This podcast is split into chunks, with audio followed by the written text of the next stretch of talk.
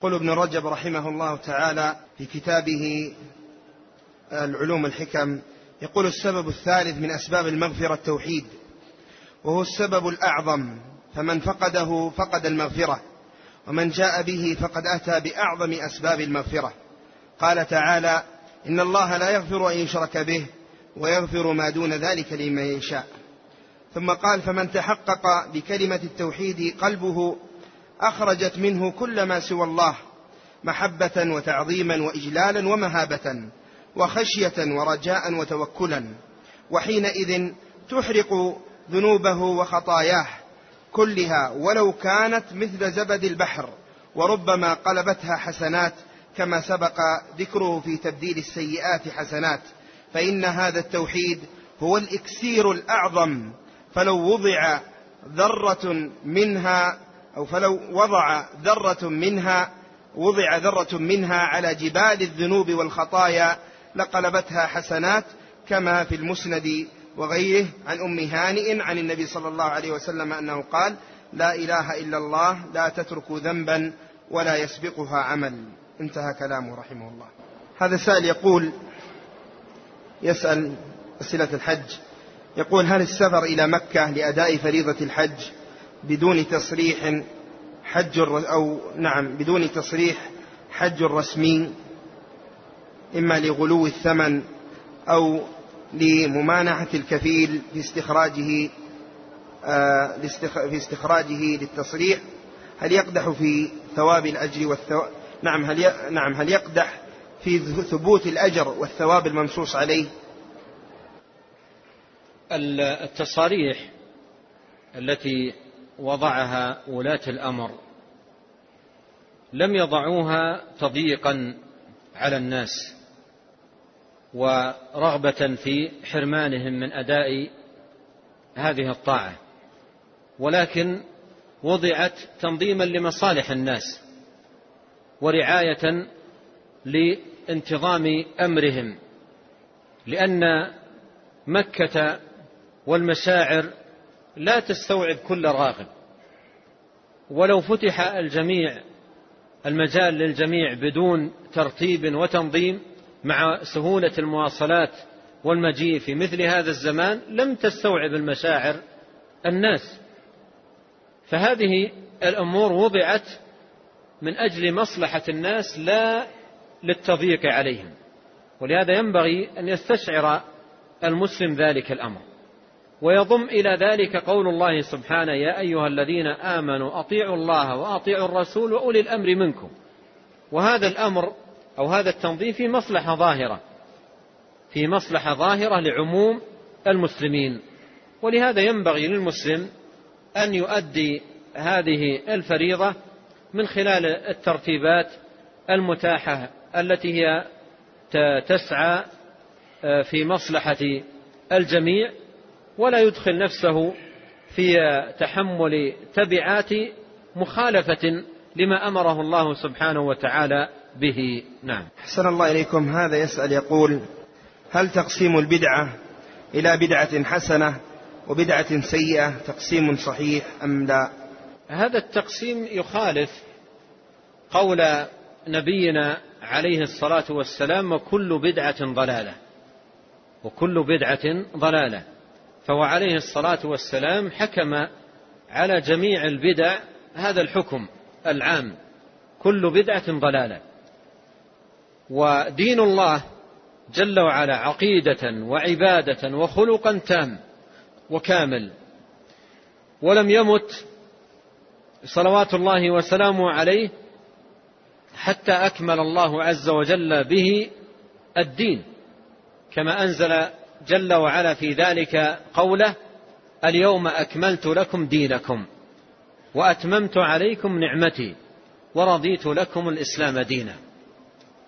ولهذا جاء عن الإمام مالك رحمه الله تعالى أنه قال من قال في الدين بدعة حسنة فقد زعم أن محمدا صلى الله عليه وسلم خان الرسالة لأن الله يقول اليوم أكملت لكم دينكم وأتممت عليكم نعمتي ورضيت لكم الإسلام دينا.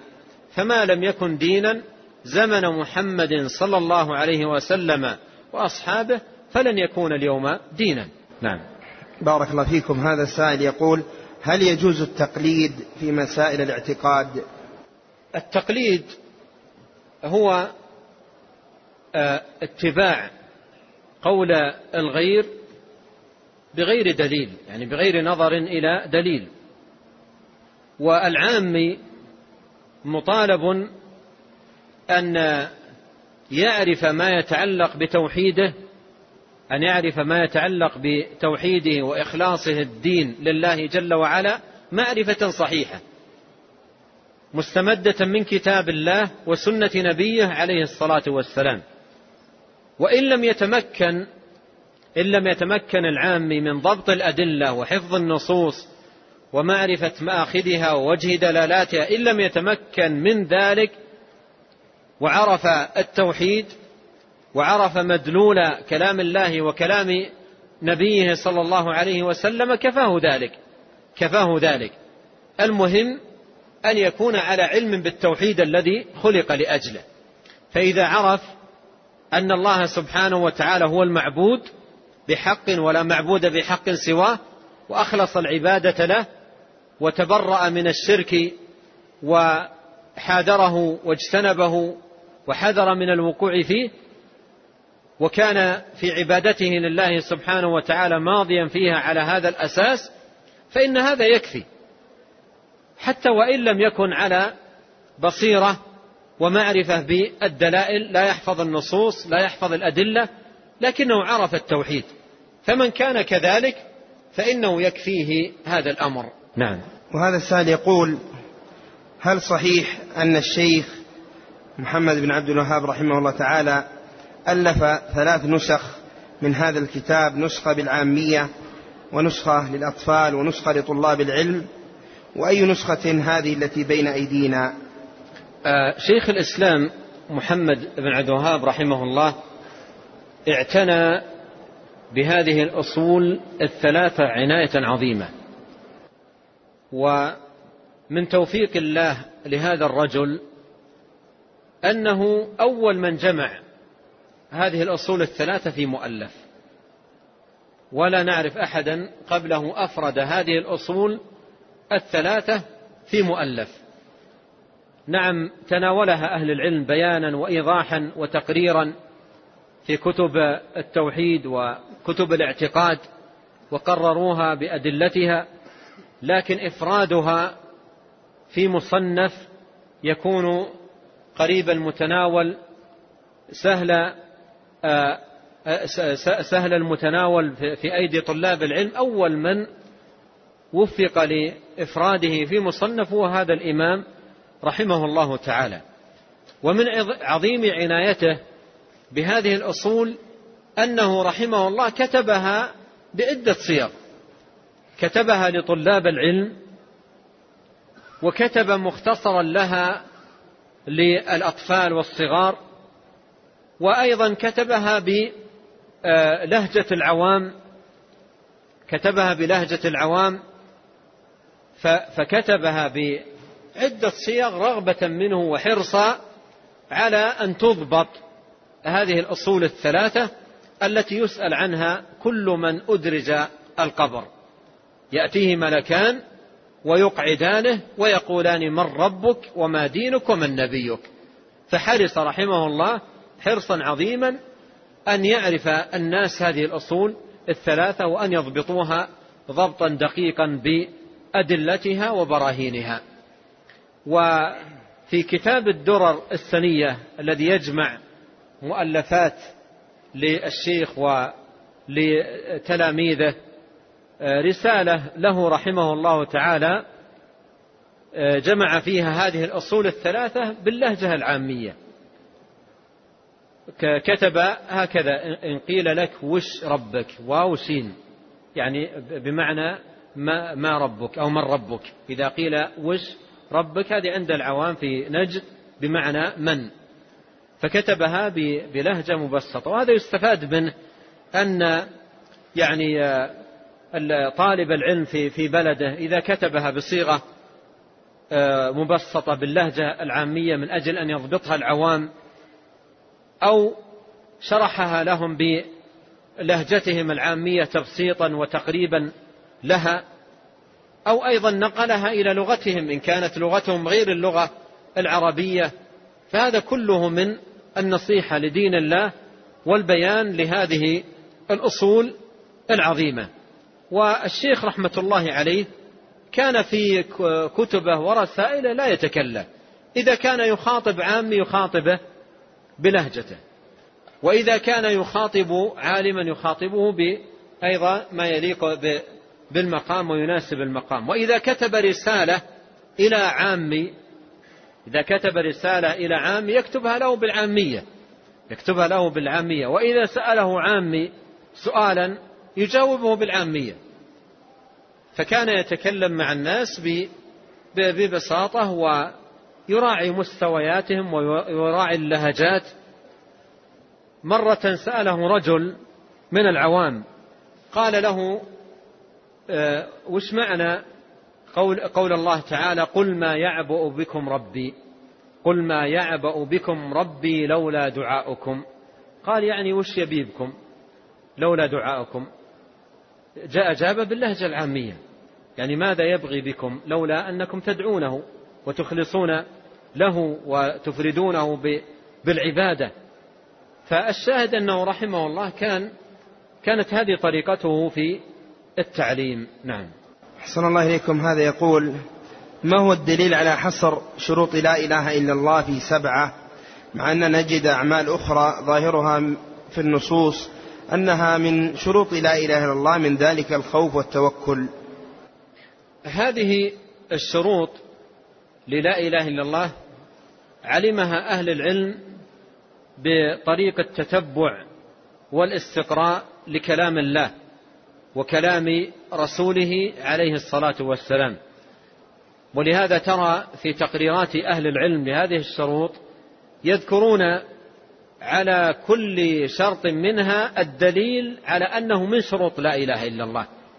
الدليل على أنه من شروط لا إله إلا الله. والأمور التي يشير إليها السائل والأعمال التي يشير إليها السائل هي راجعة إلى هذه الأصول. راجع إلى هذه الأصول وإلى هذه الشروط التي لا تقبل لا إله إلا الله إلا بها. نعم. الكفر بالطاغوت ضمه بعض أهل العلم إلى هذه الشروط من باب زيادة التقرير والإيضاح وإلا هذه الشروط كافية في تقرير هذا الأمر. فبعض أهل العلم زاده من باب زيادة التوضيح والبيان لهذا الأمر العظيم الذي لا تقبل لا إله إلا لا إله إلا الله إلا به. نعم. من قال لا إله إلا الله وكفر بما يعبد من دون الله. وكفر بما يعبد من دون الله. فذكره عليه الصلاة والسلام شرطا لقبول لا إله إلا الله. نعم. أحسن الله إليكم. هذا يسأل عن أفضل شرح لهذا الكتاب العظيم كتاب الأصول الثلاثة. كتاب الأصول الثلاثة له شروحات عديدة لأهل العلم. منها آه، شرح الشيخ عبد الرحمن ابن قاسم رحمه الله له حاشية نفيسة جدا على هذه الأصول الثلاثة. وأيضا آه، الشيخ عبد العزيز ابن باز رحمه الله والشيخ ابن عثيمين والشيخ صالح الفوزان وغيرهم من علمائنا لهم آه، تعليقات وشروحات موجودة ومطبوعة ولا يزال طلاب العلم يستفيدون منها. نعم. أحسن الله إليكم. هذا يقول وردت آثار عن بعض السلف أنهم كانوا إذا سمعوا القرآن يغشى عليهم في حين أن الصحابة لم يكن هذا حالهم. فما صحة هذه الآثار؟ هذه الآثار نقلت نقلت عن بعض المتقدمين والصحابة رضي الله عنهم لم ينقل عنهم مثل ذلك. وشيخ الإسلام ابن تيمية رحمه الله سئل عن هذا الأمر وقال إن الوارد قوي الوارد قوي يعني زواجر القرآن وقوارع القرآن قوية جدا. والصحابة رضي الله عنهم جمع الله سبحانه وتعالى لهم مع حسن التدبر حسن أيضا تلقي القلوب تلقي قلوبهم لكلام الله سبحانه وتعالى. وهؤلاء الذين حصل لهم الغشي عند سماع زواجر القرآن وقوارع القرآن هذا نتيجة لضعف نتيجة لضعف في القلوب فارقوا به الحالة التي كان عليها الصحابة رضي الله عنهم وأرضاهم. وأيضا أشار شيخ الإسلام ابن تيمية رحمه الله تعالى في بعض الكتب أن بعض ذلك نوع من التصنع والافتعال. أن أن بعضهم يعني آه، بعض المتأخرين يفعل ذلك تصنعا وافتعالا كنوع من التأثير على الناس. ولهذا قال أحد السلف آه، آه، كلاما معناه إن كان صادقا ليقف على جدار ونقرأ عليه القرآن. إن كان صادقا ليقف على جدار ونقرأ عليه القرآن ننظر هل يغشى عليه أو لا. فالشاهد أن بعضهم يتصنع ذلك يتصنع ويقصد بذلك التأثير على الناس. وأذكر في زماننا هذا أن خطيبا في أحد المساجد في مكان فيه عوام معه شخص أمامه يجلس في في وسط المسجد يأتي معه. ثم يأتي ببعض الزواجر وبعض المواعظ القوية فهذا الذي معه يصرخ ويسقط أمام الناس. فالعوام يتأثرون يعني كلام مؤثر إلى درجة أن الرجل سقط أغشي عليه من, من, من التأثير. فمثل هذه أحيانا تكون افتعال. تكون أحيانا افتعال يفتعلها بعض بعض الناس. وعلى كل حال السلف من الصحابة رضي الله عنهم كانوا أعظم الناس تأثرا بالقرآن وكانوا أقوى الناس قلوبا وأحسنهم انتفاعا بكلام الله سبحانه وتعالى وأعظم الناس تأثرا بالقرآن الكريم. نعم. شيخنا حفظكم الله ما هي نصيحتكم لطلاب العلم في مسألة قراءة الشبه والدخول إلى بعض المنتديات التي تكون على منهج غير منهج أهل السنة والجماعة وقراءتها ثم بثها بين الناس بحجة أنه لابد أن يعرف الباطل حتى يرد. هذه مخاطرة بالدين. هذه مخاطرة بالدين. وقد قال أهل العلم قديما إذا خاطرت بشيء فلا تخاطر بدينك. وطالب العلم المبتدئ ضعيف العلم قليل البضاعة من العلم إذا دخل هذه المنتديات وقرأ الكتب المليئة بالشبهات فإنها تؤثر على قلبه وتجلجل في صدره. وربما أنها بقيت في صدره إلى أن يموت لا تخرج. ولهذا لا لا يليق بطالب العلم أن يخاطر بدينه ويدخل في مثل هذه المواقع والمنتديات ويقرأ في الكتب التي تثير الشبهات لأن هذا يضر بالإيمان ويؤثر على الاعتقاد.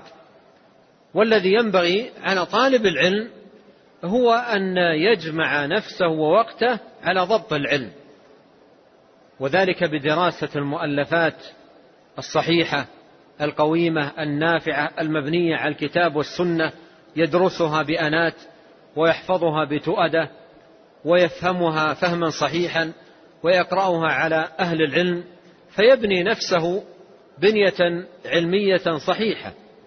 أما إذا دخل في بدئه في طلب العلم تلك المواقع أثرت عليه وشككته في عقيدته.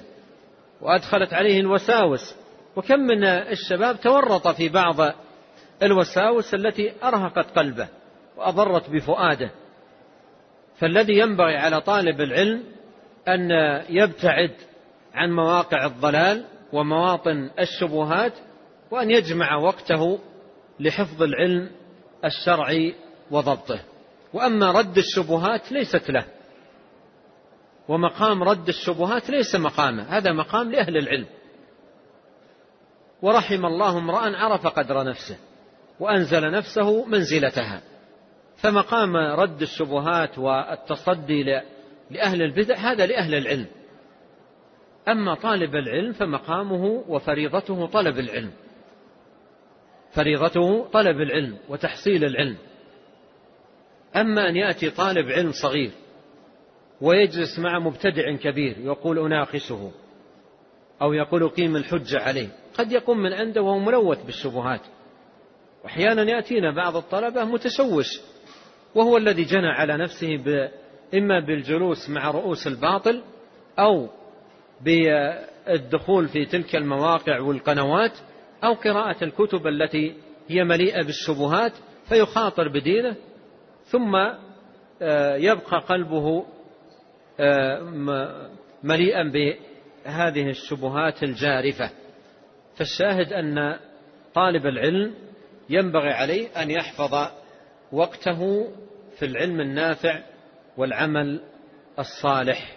أيضا شيخنا المناظرات هذه الذي تقع كيف الجمع بينه وبين مناظرات السلف؟ المناظرات آه، أهل العلم إذا ابتلوا بأهل العلم الراسخين إذا ابتلوا ببعض أهل البدع ممن عندهم شبهات يقارعونهم بالحجج والدلائل والبراهين والبينات التي يكون بها آه، إقامة الحجة على هؤلاء ولعلهم يرجعون عن باطلهم. أما العوام وطلاب العلم المبتدئين فمجالهم هو ما أشرت إليه أن يجمعوا أوقاتهم على الاشتغال بالعلم تدرجا وأتوا البيوت من أبوابها. أحسن الله إليكم. هذا سائل يقول كيف يتم التدرج في طلب علم العقيدة؟ التدرج في طلب العلم طلب علم الاعتقاد ميسر ولله الحمد لأن أهل العلم جمعوا مصنفات مختصرة وفي الوقت نفسه جامعة. ومحتوية على الأدلة. وهي في متناول طلاب العلم ككتاب الأصول الثلاثة والقواعد الأربعة وكتاب التوحيد وكتاب الواسطية وكتاب كشف الشبهات. فهذه الكتب فيها غنية وكفاية. إذا ضبطها طالب العلم حفظا وأتقنها وإطلع على شروحات أهل العلم لها وأيضا جلس مجالس أهل العلم في شرحها وتبيينها. كانت له في هذا الباب قاعدة متينة وأساسا عظيما يكفيه ويغنيه بإذن الله تبارك وتعالى. أحسن الله إليكم. هذا السائل يقول متى يعذر الجاهل بجهله في مسائل الاعتقاد؟ مسائل الاعتقاد هي أعظم مسائل الدين. على الإطلاق. ولا يقبل من عبد صلاة ولا صيام ولا غير ذلك من الطاعات إلا إذا أقامها على توحيد الله جل وعلا وبناها على هذا الأساس والأصل العظيم. ولهذا مر معنا الآية الكريمة. قال الله سبحانه وتعالى فاعلم أنه لا إله إلا الله واستغفر لذنبك وللمؤمنين والمؤمنات. فبدأ تبارك وتعالى بالعلم قبل القول والعمل. ولهذا يطلب من كل آه، من أراد لنفسه النجاة ولأعماله وأقواله أن تقبل عند الله سبحانه وتعالى أن يبنيها على هذا التوحيد وأن يقيمها على هذا الأصل العظيم. وهنا يأتي واجب الدعاة إلى الله جل وعلا وطلاب العلم في بيان التوحيد وشرحه للناس وإيضاحه وأيضا كشف الشبهات التي يبتلى بها العوام بسبب دعاة الباطل وأئمة الضلال. نعم.